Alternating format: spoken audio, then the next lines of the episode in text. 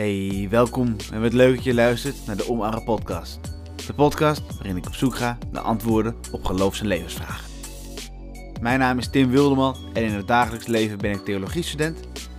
En ik hoop dit jaar ook te gaan afstuderen. Ondertussen maak ik iedere week een podcast.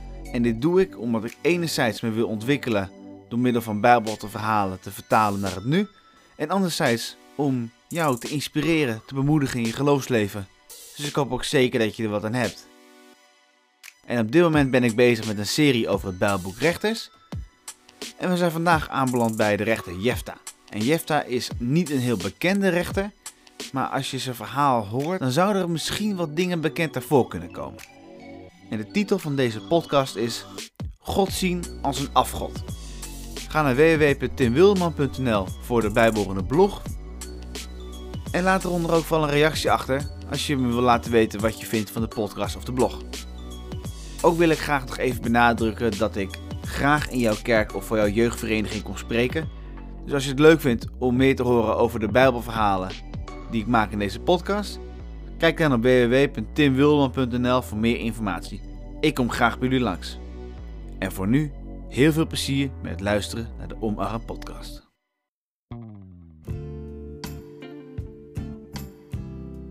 Ken jij iemand die telkens weer iets verkeerds doet?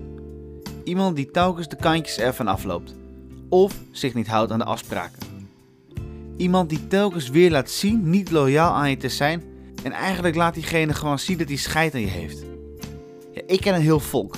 Het is het volk Israël van een aantal duizend jaar geleden.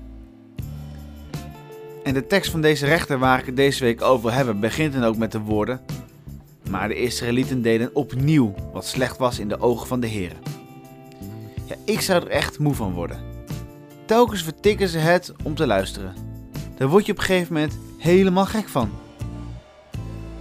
Tijdens eerdere verhalen van de eerdere rechters uit de vorige podcast wilden de Israëlieten nog wel eens één of twee afgoden vereren. Nu gaan ze wel echt over de scheef en het is niet de eerste keer.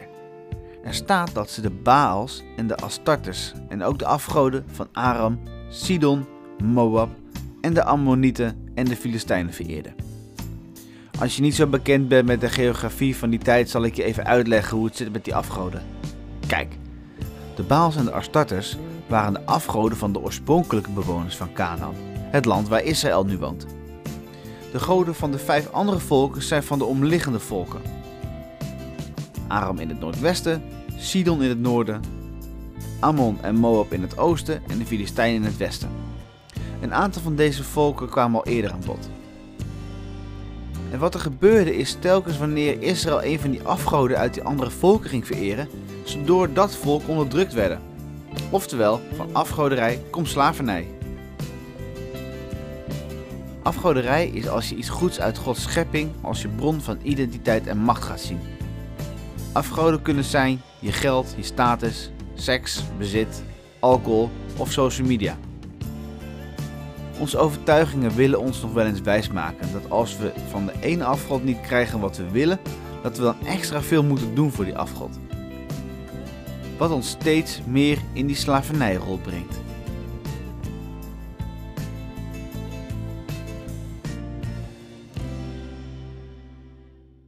Het volk wordt uitgeleverd aan de vijand. Als God zijn volk uitlevert, betekent dat overigens niet dat hij ze verlaat. Want zoals ik al eerder gezegd heb, als jij de keuze maakt om God niet meer te vereren, dan maak je ruimte voor de vijand van God.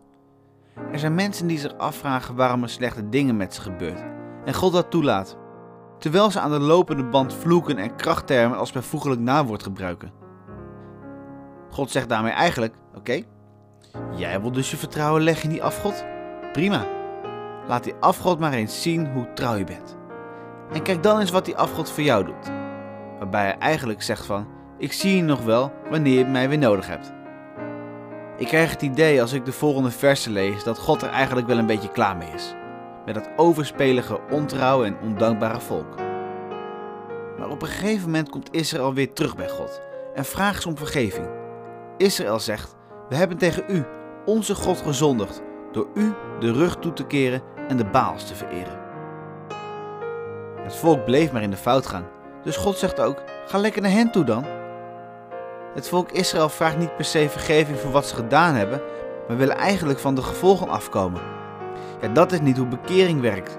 Bekering is een diep besef en een enorme afkeer van wat je gedaan hebt, of er nou wel of geen ellende uit voorkomt. En of je nou gesnapt wordt of niet. Wat het volk Israël doet is dat ze God behandelen alsof hij een afgod is. Ze zeggen de juiste woorden en doen de juiste offers om God zover te krijgen dat hij zich voor hen inzet. Waar het om gaat is wat is de houding of de richting van je hart? Met welke intentie ga je de relatie met God aan? Is God voor jou als een soort goede vee, waar je terecht kan om telkens als jij een tand kwijtraakt een kwartje krijgt en voor een goede daad een stuiver? Of zie je God als een vader waar je altijd bij terecht kan? Of is God je redder die je voor eeuwig trouw wil zijn? Wie God voor jou is, zegt heel veel over hoe jij in het leven staat. En de Israëlieten zagen God met te weinig eerbied. Als iemand bij wie ze wel even een wit voetje konden halen als ze zonder berouw sorry zeggen. En dat ze dan wel makkelijk van hun sores af kunnen komen. Ja, later in het verhaal begrijpen de Israëlieten eindelijk wat God bedoelt. Ze beseffen zich wie God voor hen is en wat Hij voor hen gedaan heeft. Ze worden oprecht en bekeren zich van hun afgoderij.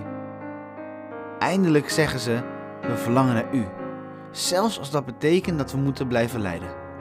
En dat is een teken van echt geloof. Ze willen nu onvoorwaardelijk bij God horen en daarom deden ze hun afgoden weg en volgden God.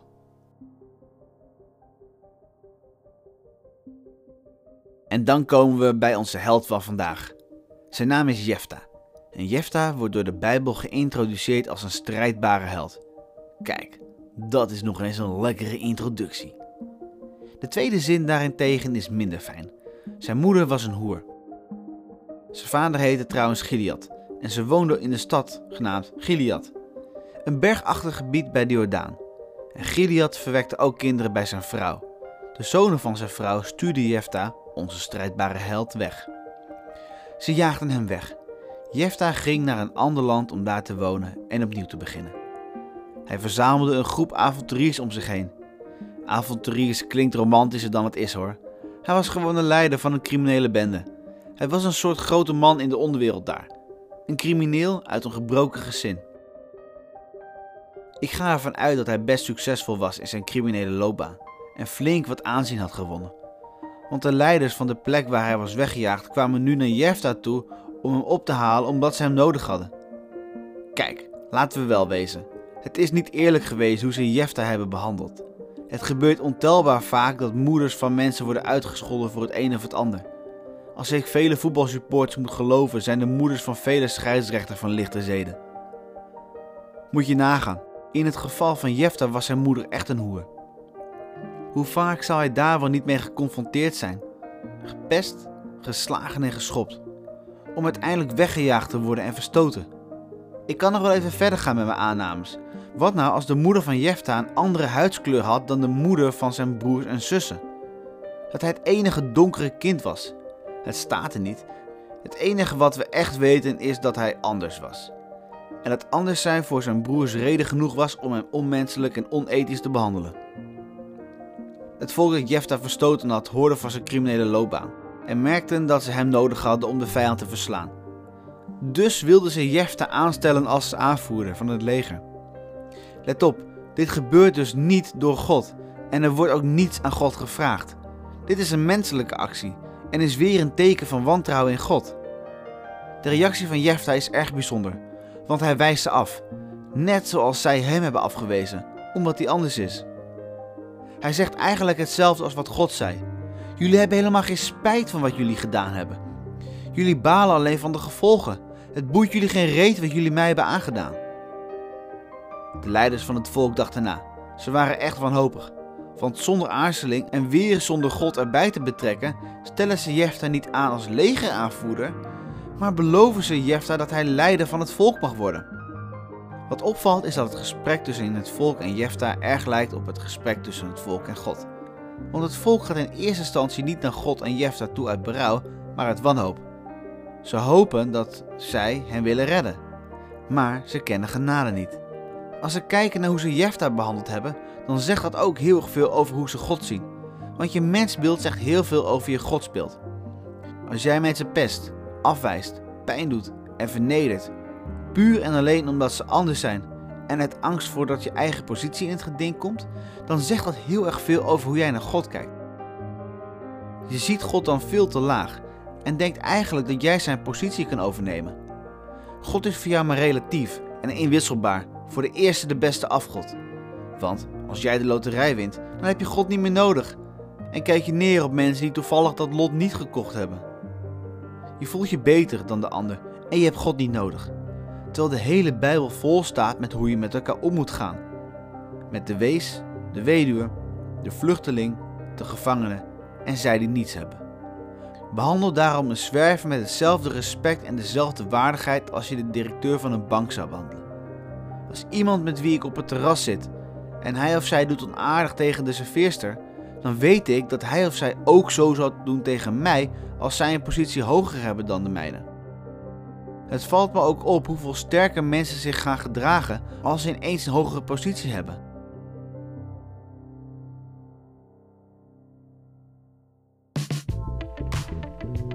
Laten we het hebben over het vervolg van dit verhaal. Ik wil nog even één ding uitlichten die ik erg belangrijk vind.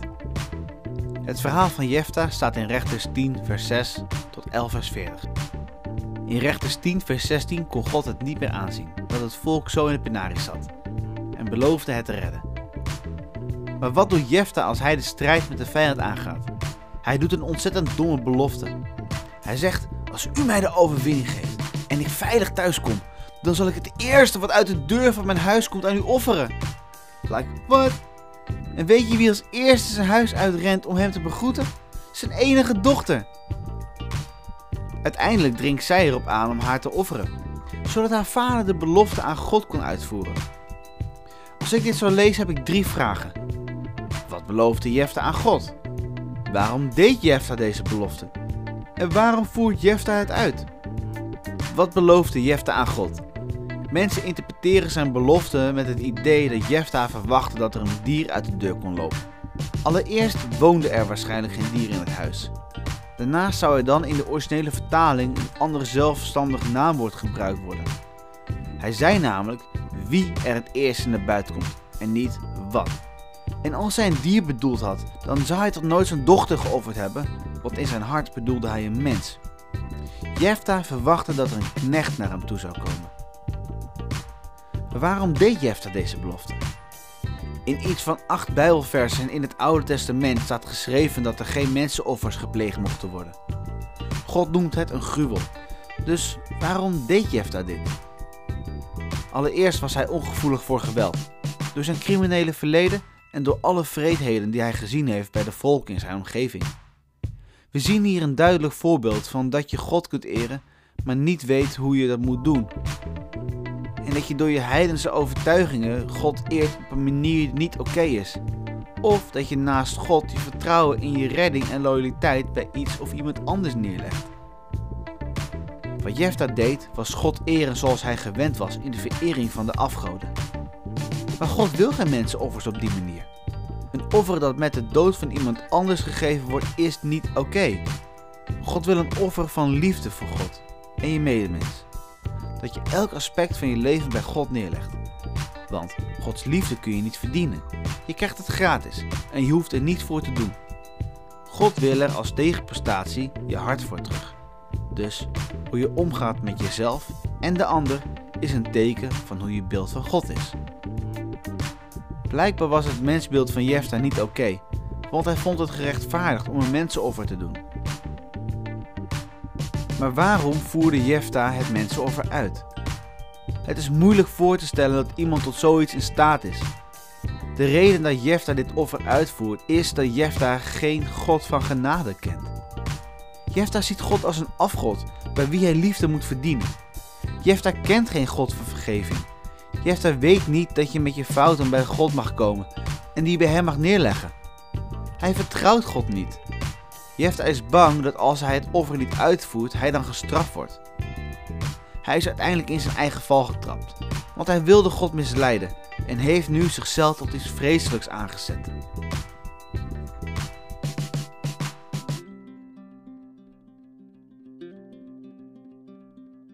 Wat ik je wil meegeven met deze podcast is: let op hoe je God vereert. Allereerst zeggen je zelfbeeld en je mensbeeld heel veel over je godsbeeld. Hoe jij omgaat met mensen die minder dan jou zijn, zegt heel veel over hoe jij God vereert. Hoe jij relaties aangaat met anderen zegt heel veel over hoe jij de relatie met God aangaat. Je verlangen naar geld, lust en alles zorgen ervoor dat je je redding zoekt in iets anders dan God. Weet dus hoe je God vereert. God is een God van genade, van liefde. Iemand die er altijd voor je is, ook al maak je fouten of doe je een domme belofte. Je mag altijd om vergeving vragen, want God is altijd bij je. Hoe ver jij ook van God afloopt, je hoeft je alleen maar om te draaien om weer bij God terug te keren. Ik wil je daarom ook echt aanbevelen te kijken naar Jezus. Want Jezus is het voorbeeld van een rein leven. Iemand die omzag naar anderen en God vereerde als zijn vader. Probeer daarom dan ook met enige regelmaat de Bijbel open te trekken. Zodat je geïnspireerd raakt om elke dag steeds meer en meer op Jezus te lijken.